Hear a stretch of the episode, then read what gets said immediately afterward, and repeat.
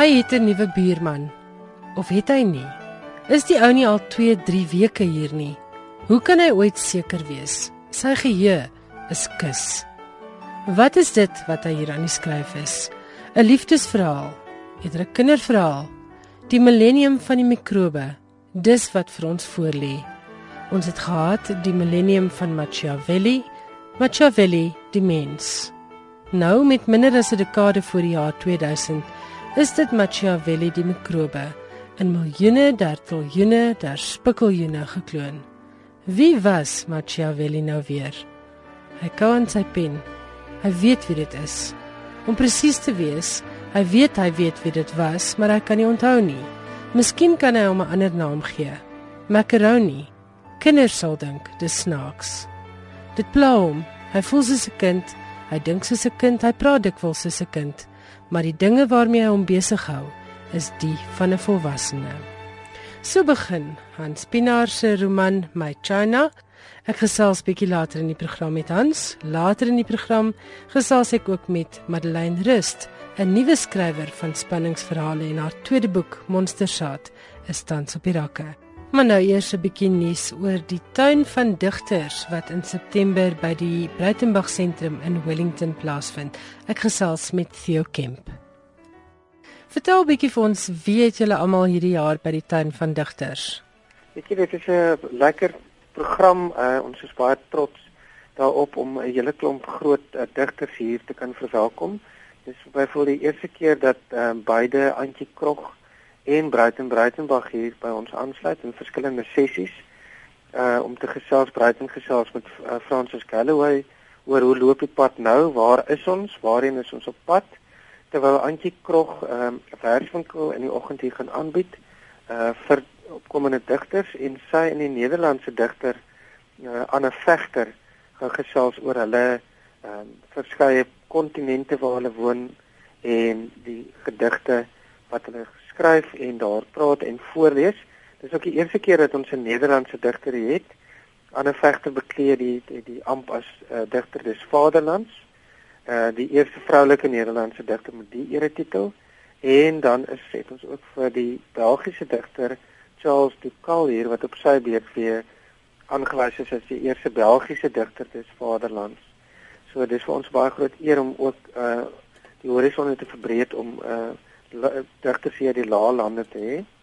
Dan al ons die hoed af vir groot uh, digters. Ons kyk byvoorbeeld na uh Opperman die Opperman se letterkundige laboratorium en die invloed wat dit gehad het op uh, latere digkuns in Afrikaans. Mense soos Daniel Rico Jan Hambidge, Andre Leroux en Ronaldo Goede gesels oor Opperman se verbuisterende bydrae tot die letterkunde. En dan natuurlik ehm um, um, is Emmen Walters hier Hy gaan nie self praat nie, maar ons vereer graag sy lewensbydrae tot die poesie met mense soos Kunter Pakendorf en Johan Nel. Dan eh uh, Tito Kloete wat ehm um, hier by ons sou aansluit, het ons besluit om nou 'n uh, eh, huldeblyksgeleentheid aan te bied met eh uh, wonderlike musiek uh, natuurlik van Mabet Volin en Olga Lennert en Alwie van Wyk en Jan Hambidge gesels rond. Ons natuurlik Eybers ehm uh, kyk ons na Waga Light het 'n program saamgestel Eybers nooit vir prese waarin Anne Mart van der Merwe, Frida van der Neever en nou Anne Stone uh van haar gedigte van as jong meisie tot uh tot 'n bejaarde 90-jarige ehm um, vrou gepubliseer het. So dan ons ons kyk na verskillende dinge. Ons program probeer ons ook saam so saamstel dat dit absoluut iets van alles inhou. So daar was byvoorbeeld ook 'n program Woelag met Hakkie Straat Hartman wat 'n uh, wonderlike ruimkletser is daar van George. Nou ons het musiek van Pieter van der Westhuizen, Bokkie se maar reg. Uh jy weet so dit is so 'n lekker ding. Ons het ook van die Breitemal sentrum se eie uh, projekte, ons uh, opleidingsprojekte wat ons hier aanbied. Daar in 'n verre se uh, uh, wonderlike groep aspirant digters wat hulle self die mengelmoes digters noem, gaan vir die eerste keer van hulle gedigte voorlees en dan het ons ook ons kom vandaan wat ons drama groep Kaleidoskoop uh ondersoek instel op 'n baie meer slerende en selfs opreiende manier kyk na wat die digkuns ingelewer het van die brein uh digstem oor die afgelope 6 dekades. Hulle van die pad van P. Philander, Adam Small tot Ronaldo Kamfer en Nathan Trantaal en Jitsvinger. So ek dink daar's uh, dit is 'n lekker mengelmoes van klomp goed. Ons het natuurlik ook uitstallings wat verband hou met die digkuns. Byvoorbeeld die ATKV se ehm uh, hoogs aangeskrewe filmverse projek, die animasiefilms van die Grobler wat gebaseer is op gedigte, asook 'n uh, uitstalling van Breiten Breitenberg ontstaan van 'n oorledene self wat ook hier te sien sal wees. Is dit 'n kunsuitstalling? Dit is 'n kunsuitstalling. Ja. Fantasties. Ja, dit klink of jy regtig iets vir alle smake het en iets vir alle ouderdomsgroepe selfs. Waar koop mense die kaartjies? Mense kan die kaartjies koop by ons ehm um, deur te e-pos te stuur na besprekings by breitenbergcentrum.co.za of om ons te kontak by 021 873 2786 en die kaartjies beloop R300 vir die hele naweek. So daar is ook dagtoegang, maar ons beveel aan dat jy R300 betaal en dan kan jy absoluut kom en gaan soos wat jy wil vir die hele naweek lank. Goed, dit is dan die tuin van digters wat aangebied word by die Breitenberg sentrum in Wellington. Theo Kemp, jy sê dis R300 per persoon per naweek. Dit daarvoor het jy dan volle toegang die hele naweek en mense koop die kaartjies direk by julle by besprekings by breitenbergsentrum.co.za of hulle skakel julle by 021 873 2786 Dis reg, die volledige program is ook op ons webwerf beskikbaar by www.breitenbergsentrum.co.za Dit was Theo Kemp ek en hy het gesels oor die tuin van digters wat die naweek van die 19de en 20ste September plaasvind by die Breitenberg sentrum in Wellington. Die volledige program is by www.breitenbergsentrum.co.za.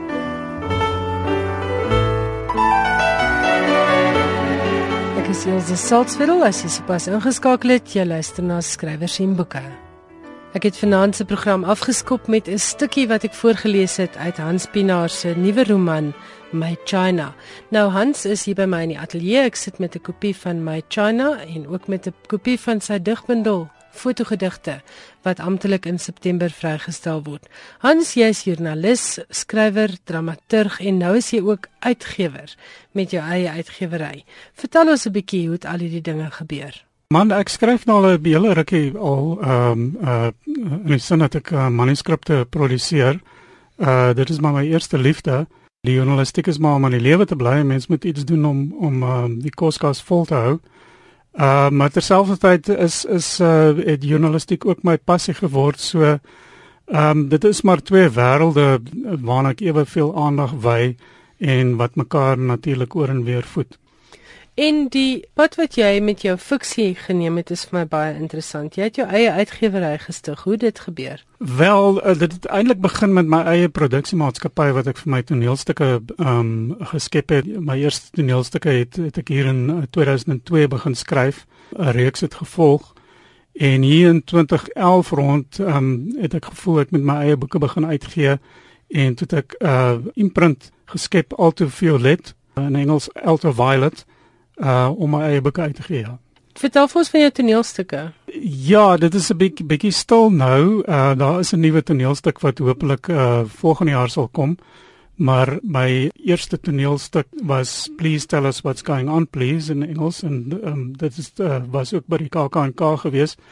En dit het gegaan oor die koerant wêreld. Daarna het ek uh, het ek my, my grootste sukses tot dusver is waarskynlik Ching Chong Chai uh wat gaan oor uh Che Guevara se ekspedisie in die Kongo uh wat 'n volslaam mislukking was en en hoekom dit 'n mislukking was. Um en dan is daar ook kom terug Saartjie wat uh baie losweg gebaseer is op die verhaal van van Charlize Tron um en haar pa en daarna het het uh, het, het nog 'n redelike sukses gevolg met Drie Dosyn Rose uh wat ek ook in Engels gedoen het as 3000 Roses. En ehm um, laas jaar het ek The Good Candidate opgevoer. En tussendeur skryf jy boeke. Hierdie is nie jou eerste roman nie. Ehm um, dit is my eerste roman wat gepubliseer is. Ek ek het 'n vorige boek uitgegee wat mense as 'n roman kan beskou as jy wil. Uh die titel is Chaos of op soek na Superman. Uh maar dit is 'n baie eksperimentele boek, so mense kan dit sien as kortverhale. Uh verborge daarin is ook 'n teses oor die politiek en en die woord in die politiek en so aan so ja ek weet nie hoe om hierdie uh, nuwe boek vir my regtig te beskryf nie. Ek ek, ek dink dit is eintlik maar my debuutroman. Die agterblad prikkel praat van hierdie boek as satire. Met 'n ampie van ons tyd as hoofkarakter Take Hans Pinaar se satire die leuns van die vorige bewind die regstelsel as vyand van die gewone man die donker dae van Suid-Afrika se oorgang na volle demokrasie en 'n nuwe regering wat altyd nuwe maniere soek om geld te maak vir sy lede. Jou tong is baie stewig in jou kies met hierdie verhaal. Jy spot met ons eie paranoia jy spot met die regering jy spot met 'n hele klomp dinge eie aan die mensdom. Vertel ons 'n bietjie van hierdie boek van jou. Wel, dit gaan oor die derde mag. Jy weet die derde mag is is 'n term wat gebruik is om om te probeer beskryf wat gebeur het in die vroeë 90s en in die laat 80s toe sekere eenhede van die gewapende magte betrokke geraak het by aksies um, teen siviele mense. En uh, my basiese premisse vir die boek is dat hierdie derde mag tegnologie wat ontwikkel is in daai tyd het in die geheim oorleef en nou probeer die nuwe regering dit verkoop aan China. So ja, dit is deeglik tong en kies. En tog, dit speel bietjie in op ons uh, politieke vrese en dinge dat ons beheer word deur iets anders dat dit wat ons in die parlement sien en beleef nie noodwendig die waarheid is in Suid-Afrika nie. Het jy 'n sterk politieke belangstelling? Ja nee, absoluut. Die journalistiek uh, werk ek uh, nou met die politiek met uh, jy weet soos wat die politiek um, ontwikkel elke dag en soos Dion Maas in 'n resensie gesê die uh, boek is dik gesmeer met paranoia jy weet as mens kyk na die jongste uh die die spy types sake waarin in uh, mense van die ANC betrokke raak geraak het en mekaar oor en weer beskuldig het en maar mens nie eintlik kan agterkom wat presies aangaan nie. Uh dis teen daai agtergrond ook wat die wat die wat die boek afspeel. En die titel is dubbelsinnig. Dis my China soos in my pel, maar ook daar is 'n invloed van China en Chinese mense in hierdie boek. Vertel 'n bietjie daarvan as sakemanne probleme optel, ehm um, uh jy weet as dit nie so gaan goed gaan met hulle sake nie, dan gaan hulle altyd na Afrika aan. As dit nie so goed gaan met ANC politici nie, dan gaan hulle na die ooste toe. en uh so so dit verwys na na my China, jy weet dit is uh die, die hoof vir hierdie geheime eenheid het dat uh, nou dat hulle nie meer so the flavor of the month is nie, dat hulle gaan regkom in China.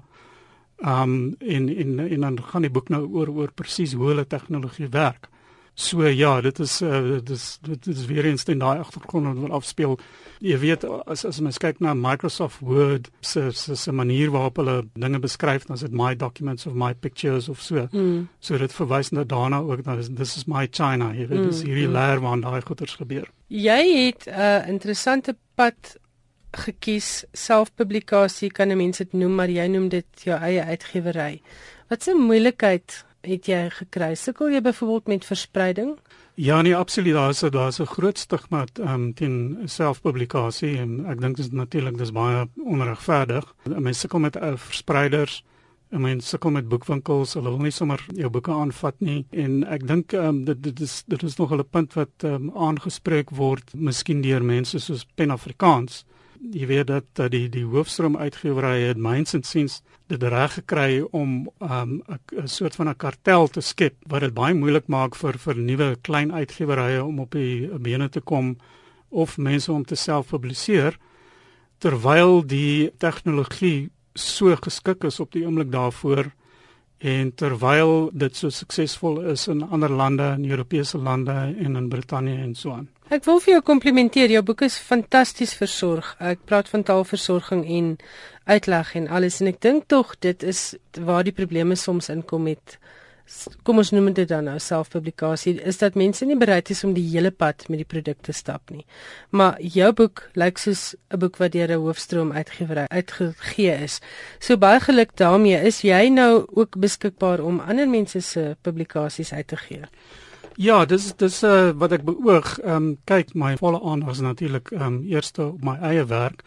Ehm um, maar op my uh, webwerf ultraviolet.co.za uh, sê ek dat uh, ons verskaf hulp aan aan nuusskrywers.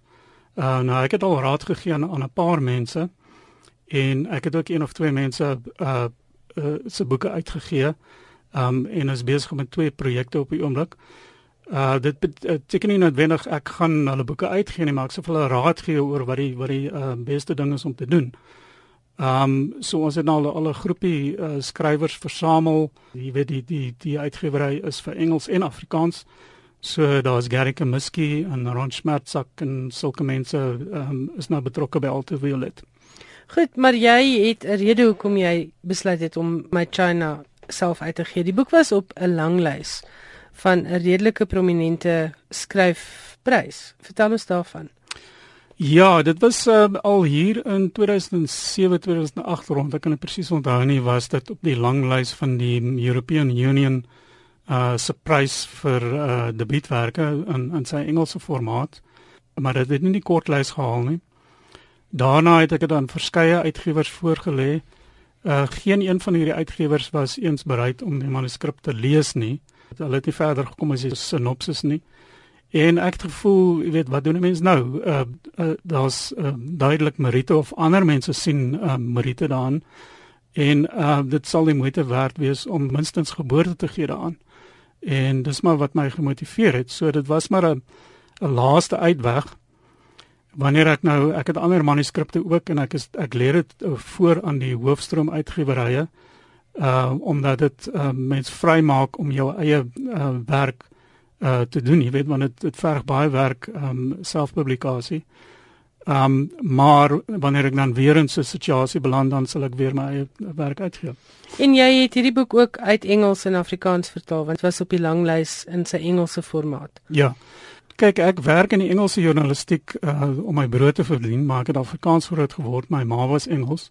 So ek is ten volle tweetalig en die boek het eintlik uh begin as as as 'n uh, uh, Engelse boek en toe voel ek nee ek wil hom liewer in Afrikaans verder skryf en uh toe ek nou nie reg kom by uitgewers en toe skryf ek nou weer in Engels en so dit nou gegaan ek kan nie eintlik presies onthou watter dele is eers in Engels en Afrikaans geskryf nie dit was so gelyktydig gedoen ja ja Vertel ons van fotogedigte. Ek het 'n eksemplaar van die boek. Dit is 'n pragtige boek en daar span jy jou vaardighede in as fotojoernalis of as waarnemer.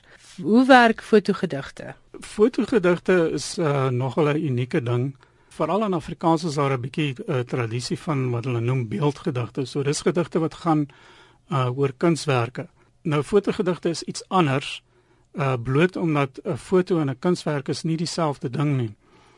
En hoe dit ontstaan het is my eenvoudig dat uh uh op my reise deur die wêreld uh toe ek nou vir vir independent newspapers uh, se buitelandse diens gewerk het, het ek maar hierdie fotos geneem met met met die oogmerk om om 'n uh, meer soort van 'n kunsinnige ding daarvan te maak eerder as as om dit nou vir die werk te produseer. En terwyl ek nou hierdie fotos geneem het, het ek sulke kursoriese notas um aangeteken om my te laat onthou hoekom ek nou hierdie foto geneem het en so aan. En op 'n dag toe ek nou na hierdie goed kyk, toe sien ek nee maar hierdie notas werk nogal uit as as uh, as gedigte. Jy weet as mense 'n bietjie saamflans word dalk 'n gedig en ek moet sê daar was 'n mate van laaiheid ook betrokke.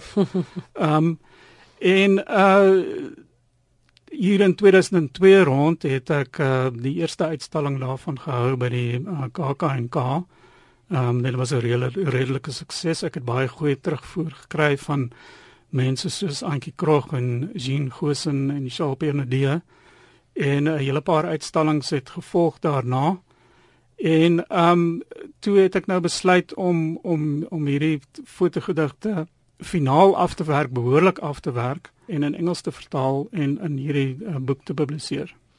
Baie geluk daarmee ook. Kan mense die bekendstelling bywoon? Jy sê dit word volgende maand amptelik bekend gestel. Ja, dit gaan op die 26ste September wees. Dit gaan by ehm um, die Indigo uh boekwinkel uh wees wat langs die Kim Sak galery is in Jan Smitslaan in Johannesburg. So almal is welkom. Ek gaan ehm, 'n uh, gesprek voer met uh, Gerard Rudolph wat ook 'n fotograaf, 'n baie bedrewe fotograaf en 'n baie bedrewe uh digter is. Uh so ons gaan praat oor die idee van uh, gedigte en fotos tesame. En dan gaan ook musiek wees en iets te eet. So ek hoop dit gaan 'n gaan 'n lekker Saterdagoggend wees vir mense. Goed en my China is reeds beskikbaar, maar waar kan mense dit bestel? Mense kan dit bestel deur my uh by Alto um Violet Uh uh die webwerf as jy maar net 'n Google doen vir altyd wil dit sou daarop sal jy daarop afkom. Maar dit is ook beskikbaar by takke van Protea boeke en by Graffiti boeke in in Pretoria en ook by die Karoo Kafee in Pretoria en by die Aardvark Galery in Kaapstad. So dit is lekker wyd beskikbaar en Graffiti lewer in elk geval landwyd af Graffiti boeke. Dit is Hans Pinaar se boek My China. Ons het nou daaroor gepraat. Ons het gepraat oor fotogedigte wat in September beskikbaar gaan wees. Bestel dit gerus by Hans se webwerf Altoviolet .co.za of by Graffiti Boeke of dan by Protea Boekehuis. Hans, dit was baie lekker om met jou te gesels. Ek sien uit na nog werk. Baie dankie Ilse. My gas was Hans Pinaar. Ons het gepraat oor sy boek My China en oor fotogedigte en sommer ook oor selfpublikasie. Onthou dat hierdie program soos alle ander uitsendings van skrywers en boeke beskikbaar is as 'n potgooi. So as jy enigiets misgeloop het of jy wil weer daarna luister of jy wil bietjie meer uitvind oor wat Hans alles te sê het oor selfpublikasie. Luister gerus op ons webwerf by www.rsg.co.za en dan klik jy eenvoudig op die skakel potgoeie. Tik die soekwoord in as skrywers en boeke en dan gaan al ons vorige episode van skrywers en boeke ook daarop verskyn. En terwyl ons nou praat van die webwerf, jy kan natuurlik via die webwerf saamluister na RSG. Baie mense sê vir my, weet jy, ons besit nie eers meer 'n radio nie, maar in hierdie tye is 'n radio redelik oorbodig want 'n selfoon of 'n tabletrekenaar of jou gewone rekenaar gee jou toegang saam met internet tot enige radiostasie wêreldwyd. So hierdie is 'n manier wat mense in die buiteland ook na RSG kan luister. En dan as jy DStv het, ons is op audiokanaal 913, so jy kan in die gemak van jou sitkamer inskakel op RSG. Madeleine Rust is vanaand se gas in skrywers en boeke. Madeleine, baie welkom. Baie geluk ook met jou debuutroman Die 13de kaart se benoeming vir 'n ATKV woordfeertjie. Jy is daar op die kortlys as een van drie finaliste en dan is jou nuwe boek Monstersaad ook tans op die rakke. Ek wil nou eers weet hoe jy skrywer geword want jy is eintlik in 'n heel ander beroep. Jong Ilse, ek dink 'n mens word as skrywer gebore. Ek dink is een van daai dinge wat jy is en nie wat jy doen nie. Solank as wat ek maar kan onthou het ek daarvan gehou om opstelle te skryf en kort verhale sommer net vir die pret daarvan. So ek dink ek was my hele lewe lank maar 'n skrywer. In my werk as operations specialist skryf ek wel. Ek skryf kommunikasieplanne, ek skryf ehm um, veranderingsbestuurplanne. So ja, skryf is deel van my werk. Dit is baie tegnies, so ek kan my uitleef met my kreatiewe skryfwerk wat ek net oor naweke doen. Wat vir my baie interessant was, jy het spanningsromans as genre gekies. Dis spanning uit die boonste rakke. Hoekom hierdie genre? Weereens, ek dink die genre kies jou. Ek dink nie jy kies werklik ware genre nie. Ehm um, ek het begin deur die styds vir die kinders in ons buurt spookstories te vertel. Hulle ouers was nie baie beïndruk met my nie want die arme kinders het gesukkel om te slaap daarna. so ja, spanning lê my baie na in die hart. Ehm um, dit is vir my lekker om iets te skryf wat maak dat 'n leser nie kan ophou om om te blaai nie. So ja. Ook interessant, die 13de kaart het 'n spesifieke hoofkarakter, 'n profiler. Dis reg. En jou tweede boek, Monstersaad, het weer 'n vroulike hoofkarakter, 'n heeltemal ander karakter. Sy is deel van 'n misdaadondersoekgroep, maar jy het gekies om twee aparte hoofkarakters en twee aparte stories te skryf in plaas van 'n reeks. Hoekom so? Met die die 13de kaart het ek eerstens gekyk of ek gepubliseer kan word of ek publiseerbaar is. So Belia Bell, die hoofkarakter in die 13de kaart was soos 'n oefenloopie vir my. Monster Saad se storielyn is nou al in my kop vir jare en jare en jare. So uh monstersaad sou gebeur. Dit dit sou definitief gebeur nadat ek vir die eerste keer gepubliseer is. Belia Bell is 'n lekker karakter. Ek het daarvan gehou om die karakter te ontwikkel en te skryf oor die karakter. Maar Renate Malan van Monstersaad het soveel meer vleis om die been. Nou baie meer kompleks, né? Nee. Absoluut ja, want die arme vrou stry met 'n groot stuk donkerte in haar terwyl sy besig is om misdade op te los. Ja, ja. En dit is 'n baie komplekse storie. Ek het albei boeke baie geniet, maar ek moet sê Monstersaad was regtig 'n sterk opvolg vir 'n debuut, want 'n skrywer kan so maklik 'n debuut skryf en dan nooit weer skryf nie. So baie geluk daarmee en dink jy skryf gaan nou 'n permanente deel van jou lewe word? Ja, absoluut. Uh nou dat die kinders groot en uit die huis uit is, is dit wat ek naweke doen. Ek kan my nie 'n naweek voorstel sonder skryf nie. So ek is hard aan die werk aan die derde boek wat wel 'n opvolg is op Monstersaad en as ek klaar is met opvolg die derde boek wat nog vir homself 'n naam moet kies, dan gaan dit definitief weer geskryf word. Vertel nou eers vir ons van Monstersaad, dis die boek wat nou tans op die rakke is.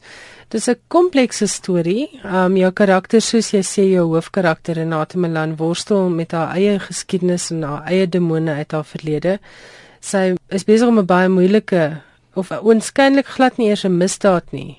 Dis eintlik 'n selfmoord te probeer ontrafel. Waar het jy aan die storielyn gekom? Want daar is twee parallelle storielyne wat albei eintlik ewe sterk verhale vorm. Ek dink die idee was met Monstersaad ek wou 'n paar reëls breek en ek dink ek het 'n paar reëls gebreek omdat daar parallelle storielyne is. Ek moes dit so interessant as moontlik maak en die spanning spanningslyn moes ek opbou en ek dink dit is 'n wonderlike ding as mense dit kan regkry met twee parallelle storielyne.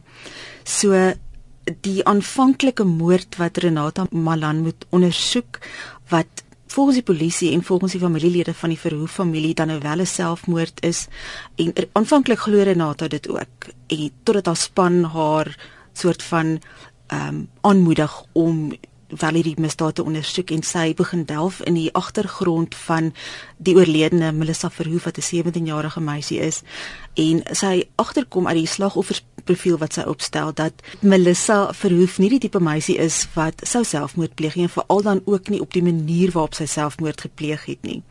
So daar begin die eerste stuk spanning en dan natuurlik wanneer Renata nie besig is om te werk aan hierdie komplekse misdaad nie, sit sy met haar eie donkerte wat sy moet probeer in toom hou. Hoe het jy op die storie idee gekom? Dis een van daai goed wat sommer net gebeur het. Uh, ek ek het glad nie daaraan gedink oor hoe om hierdie storielyn te ontwikkel nie. Dit dit was nie daar. En soos ek sê dit was lank in my kop voordat die boek uiteindelik gebeur het. Is dit moeilik om spanning te skryf sonder om in 'n resep te verval? Ek dink wel so ja. 'n Mens moet baie skryf en oorskryf om dit reg te kry om nie regtig uh resepmatig te wees nie. Wat ek gewoonlik doen is ek skryf soos ek gesê het naweke, Saterdagoggende staan ek 4 uur in die oggend op en dan skryf ek vir so 2 tot 3 ure, maar voordat ek begin skryf aan die volgende hoofstuk, gaan ek terug na die hoofstuk toe wat ek die vorige naweek geskryf het of die vorige dag geskryf het en ek maak seker dat daar 'n sterk spanningslyn teenwoordig is in die eerste plek maar aan die ander kant wil 'n ou nie soos jy sê volgens 'n spesifieke vasgestelde resepie skryf nie. So dis maar net skryf en oorskryf en lees en oorlees en seker maak jy gaan nie jou leser verveel nie. En lees jy baie?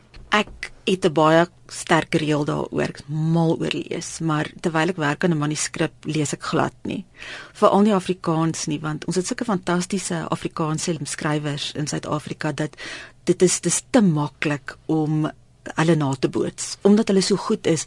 Ek het een keer 'n boek gelees van Dion Meyer terwyl ek gewerk het aan 'n manuskrip en toe ek weer begin skryf aan my boek, toe kom ek agter maar ek het Dion Meyer se skryfstyl sommer net geassimileer, ja. Absoluut. Ja. So ek lees glad nie wanneer ek aan 'n manuskrip werk. Maar ek neem aan dis 'n genre wat jy al baie gelees het. Ja, ja, absoluut. Engels sowel as Afrikaans omdat dit my so fascineer. Mens kan geweldig baie daarmee doen as skrywer. En wat vir my lekker is van die genre is die feit dat die skrywer los vir jou leidrade in vals leidrade. So terwyl jy rustig op jou bed lê in die veiligheid van jou kamer, kan jy die skrywer help om 'n misdaad op te los as ek nou so kan lees. Ja, dis amper so half jou eie speurtog. Um en 'n mens raak so half opgewonde hier het jy nou die ding ontrafel en drie bladsye verder dan besef jy maar eintlik nee, nee glad nie. Daar was 'n red herring soos ja. die Engelse sal sê. Het jy dit moeilik gevind om gepubliseer te word? Want ek weet dit is baie uh nuwe skrywers se grootste nagmerrie is dat hulle nie 'n uitgewer kan vind nie. Ek het die 13de kaart na Lapa toe gestuur en hy's onmiddellik aanvaar vir publikasie. So ek was baie gelukkig in daai opsig dat Lapa die potensiaal in die boek raak gesien het en dat ek nie nodig gehad het om te soek vir 'n uitgewer wat bereid was om die boek uit te gee nie. Groot leerproses. Ek dink as 'n ou begin skryf, dink jy jy kan regtig goed skryf, maar wanneer jy terugvoering begin kry van die uitgewer dan besef jy jy het nie 'n die vaagste idee hoe om te skryf nie en dan leer jy. En hoe het jy daai proses ervaar? Was dit vir jou op 'n stadium erg genoeg dat jy gedink het hoekom wil ek hoegenaamd 'n boek publiseer? Weet jy nee, ek ek was baie gelukkig. Baie jare terug was ek 'n mediese skrywer gewees en as 'n mediese skrywer word jou werk deur 6 of 7 hmm. experts gelees en hulle hou nie terug as dit kom by terugvoer nie. Ja, hulle is nogal um vry. Hulle gaan heerlik te kere met die rooi pen. Hulle doen, hulle doen. So as jy nie daardie tipe van kritiek kan aanvaar en besef dat jy werk aan aan 'n produk om dit beter te maak nie, dan kan jy nie 'n mediese skrywer wees nie. So in die tyd terwyl ek wel 'n mediese skrywer was, het ek geleer om kritiek te hanteer en um party van die kritiek wat 'n ou kry wanneer jy aan 'n boek werk is dis nie sag gestel nie. Mm, dit mm. is baie keer is dit jy trek jou asem en jy dink, "Sjoe." Ja. Dis 'n bietjie erg of ehm um, ek kan nie glo ek het so fout gemaak nie. Mm. Uh, maar op die einde is alles oor die dit gaan oor die produk. Dit gaan om 'n beter produk te lewer. So dis dis dis 'n goeie pad, positiewe pad. En uh as jy vir 'n nuwe skrywer wat nou dalk worstel met 'n manuskrip enige raad kan gee? Ek sou sê volg jou instink.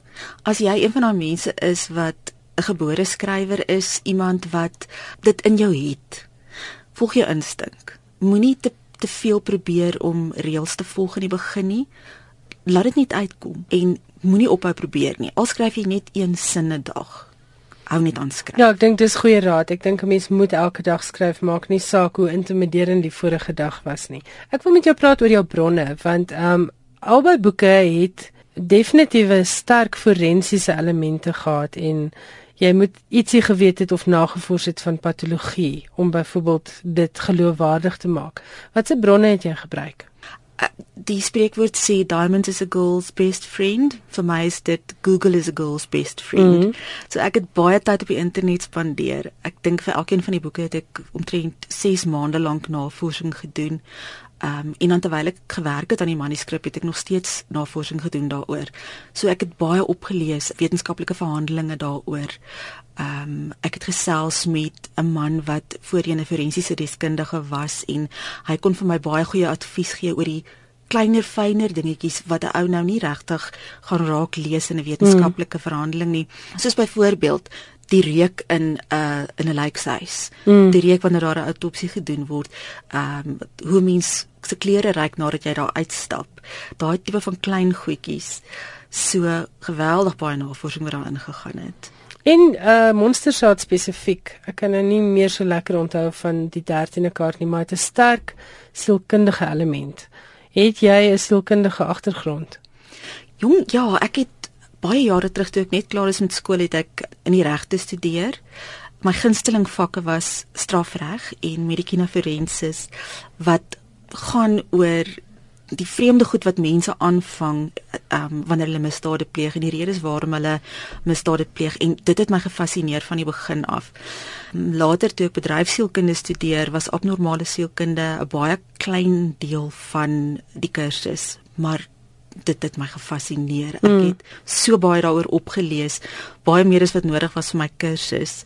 So Ja, ehm um, ek dink my belangstelling daarin het dit gemaak dat ek baie wyd daaroor lees, behalwe vir die feit dat ek uh, in die bedryfsielkunde studeer het. Madeleine, dit was heerlik om jou by skrywers en boeke te hê. Baie voorspoed met jou skrywerspad en ek is baie bly ons het nou jou boeke ook om te lees. Baie dankie. Baie dankie vir die geleentheid om hier te wees. Monstersaad word uitgegee deur Lapa Uitgewers en kos R220.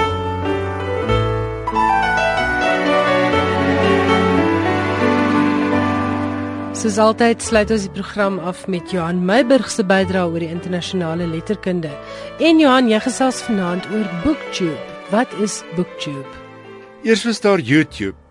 Nou het BookTube die YouTube konsep oorgeneem en 'n gemeenskap vloggers, dis die woord vir video bloggers, laai nou enigiets te doen met boeke op die net.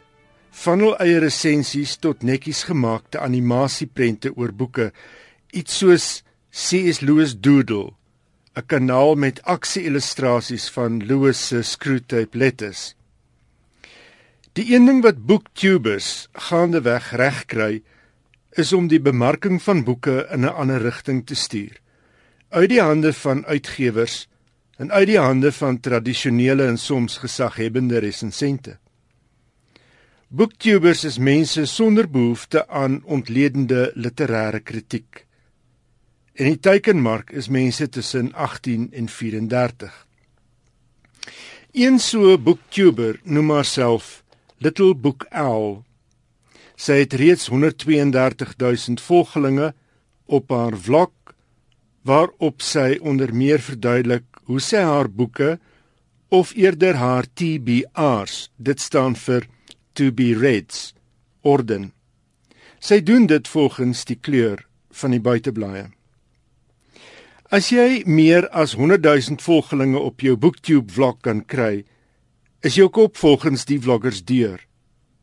Dan kan jy 'n inkomste verdien met 'n YouTube kanaal.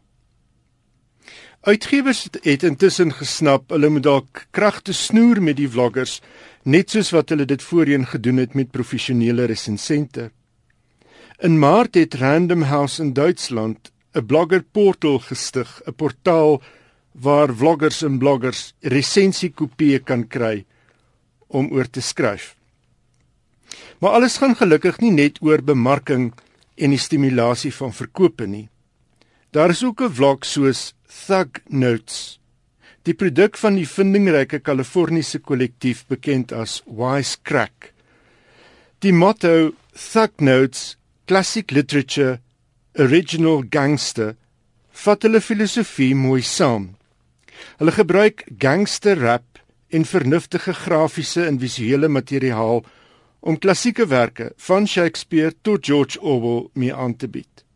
Jared Bauer, een van die stiekragte agter Wisecrack, het byvoorbeeld gesê hulle het met Thug Notes begin omdat daar op die net soveel plekke is waar die natuurwetenskappe aantreklik en vermaaklik en boonop opvoedkundig van aard aangebied word. Maar daar's nêrens so 'n plek vir die kunste en vir die letterkunde nie. Duidelik deug die benadering.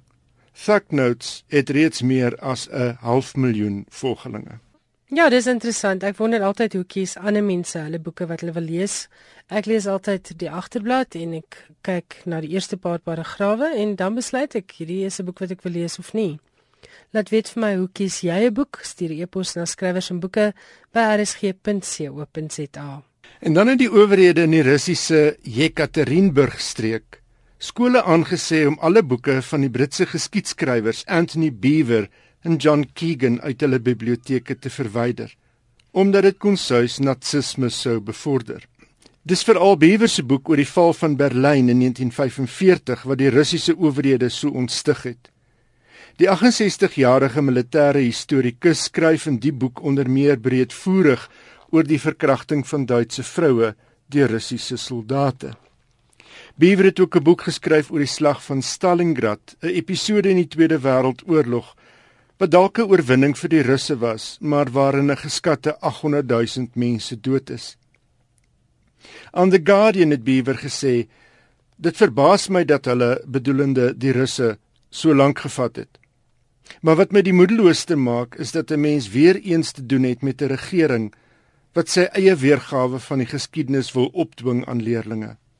Ek is grondig gekant teen sulke pogings om 'n waarheid voor te skryf." Verskeie Russiese histories sê die owerhede se besluit om boeke in biblioteke te verbied veroordeel. Alexander Yukov, 'n gerekende Russiese geskiedkundige, het byvoorbeeld gesê Beaver het sy eie ideologiese standpunt wat 'n mens seker as anti-Sowjet sou kon noem, maar nêrens verheerlik hy nazisme nie. 'n Mens verbied 'n mens verbied nie boeke nie, het hy gesê. Vandag is dit een boek, môre nog een. Waar eindig dit? Soos jy sê Johan, vandag is dit een boek, môre is dit 'n ander boek en oormôre is vryheid van spraak as geheel ingedrang. Wat het jy nog vir ons? Die 2015 Baden Bay Writers Festival is van 7 tot 9 Augustus in die kusdorpie in die noorde van Nieu-Suid-Wallis aangebied. In benewense magdom Australiese skrywers is ook enkele internasionale skrywers op die 3-dag program byeengebring. Meer as 100 skrywers het vanjaar deelgeneem. Die eerste Byron Bay Writers Festival is in 1997 aangebied. In deesdae word sowat 45000 individuele kaartjies verkoop vir die fees met lesings, paneelbesprekings, gesprekke, boekbekendstellings en voorlesings. Hoewel die fokus van die fees Australiese skryfwerk is, is die internasionale verteenwoordiging gedek deur Chikuzi Obiama, die Nigeriese skrywer wat ook op die langlys vir die Man Booker Prys is, Tariq Ali, die Brits-Pakistaanse politieke kommentator, Jennifer Clement, die Meksikaans-Amerikaanse skrywer wie se werk benoem was vir die PEN Faulkner Prys, en David Van, die Amerikaanse en internasionale topverkoper. Eben Venter wat geruime tyd al in Lismore digby Byron bywoon, was by meer as een geleentheid op die program, onder meer in 'n bespreking oor gesinstrauma in fiksie. Venter skrywer van onder meer Ekstamelik sterwe, Horrelpoot en Wolf Wolf, woon sedert die 1980s in Australië, eers in Melbourne en die afgelope paar jaar in Lismore. Hy is tans besig met sy jongste boek, maar anders as al die ander wat in Afrikaans ontstaan het en later vertaal is, is die sy eerste roman wat hy van meet af in Engels skryf. Dit was natuurlik die stem van Johan Meiburg, ons bydraer oor die internasionale letterkunde en iemand wat elke week daarin slaag om met iets interessants na vore te kom. Johan, baie dankie vir jou insetsels. Dis al ongelukkig waarvoor ons vanaand tyd het in skrywers en boeke, maar volgende week dieselfde tyd is ek terug met nog 'n uitsending van skrywers en boeke. Boekliefhebbers in die Kaap, julle moet onthou van die McGregor gedigtefees hierdie naweek in McGregor. Ek het verlede week met Marinda Oosthuizen oor die McGregor gedigtefees gepraat. Ek het ongelukkig het ek en sy nagelaat om te gesels oor die feeslesing wat deur professor Louise Viljoen van die Universiteit van Stellenbosch aangebied gaan word. En dit gaan handel oor die name in die poësie van Breiten Breitenbach. So as jy wil gaan bywoon, gaan loer gerus na die program by www.mcgregorpoetryfestival.com www.rsg.co.za en dan kan Gautengers hulle regmaak vir nog 'n leesfees. Dit begin trouens môre, die 27ste Augustus en dit duur tot Saterdagoggend en daar gaan 'n hele horde baie interessante uiteenlopende skrywers bymekaar wees in Pretoria daar rondom Graffiti boekwinkel by Linwood Bridge en daar gaan allerlei onderwerpe onder bespreking wees van die digkuns tot teater, hoe om jou kinders aan die lees te kry en dan heerlike gesprekke met skrywers. Gaan loer vir daai program op www.boekejol.co.za. Ek weet daar is nog kaartjies vir al die geleenthede te koop. Nou ja, tot volgende Woensdag aand, net na 8. Groet ek Elsje Saltzwedel van Skrywers en Boeke se kant af. Ek hoop jy het 'n rustige nagrus, maar bly eers ingeskakel op die res van vanaand se pragtige musiekprogramme. Ek weet Tarin Oosthuizen het baie moeite gedoen met vanaand se samestelling. Tot ons weer gesels. Totsiens.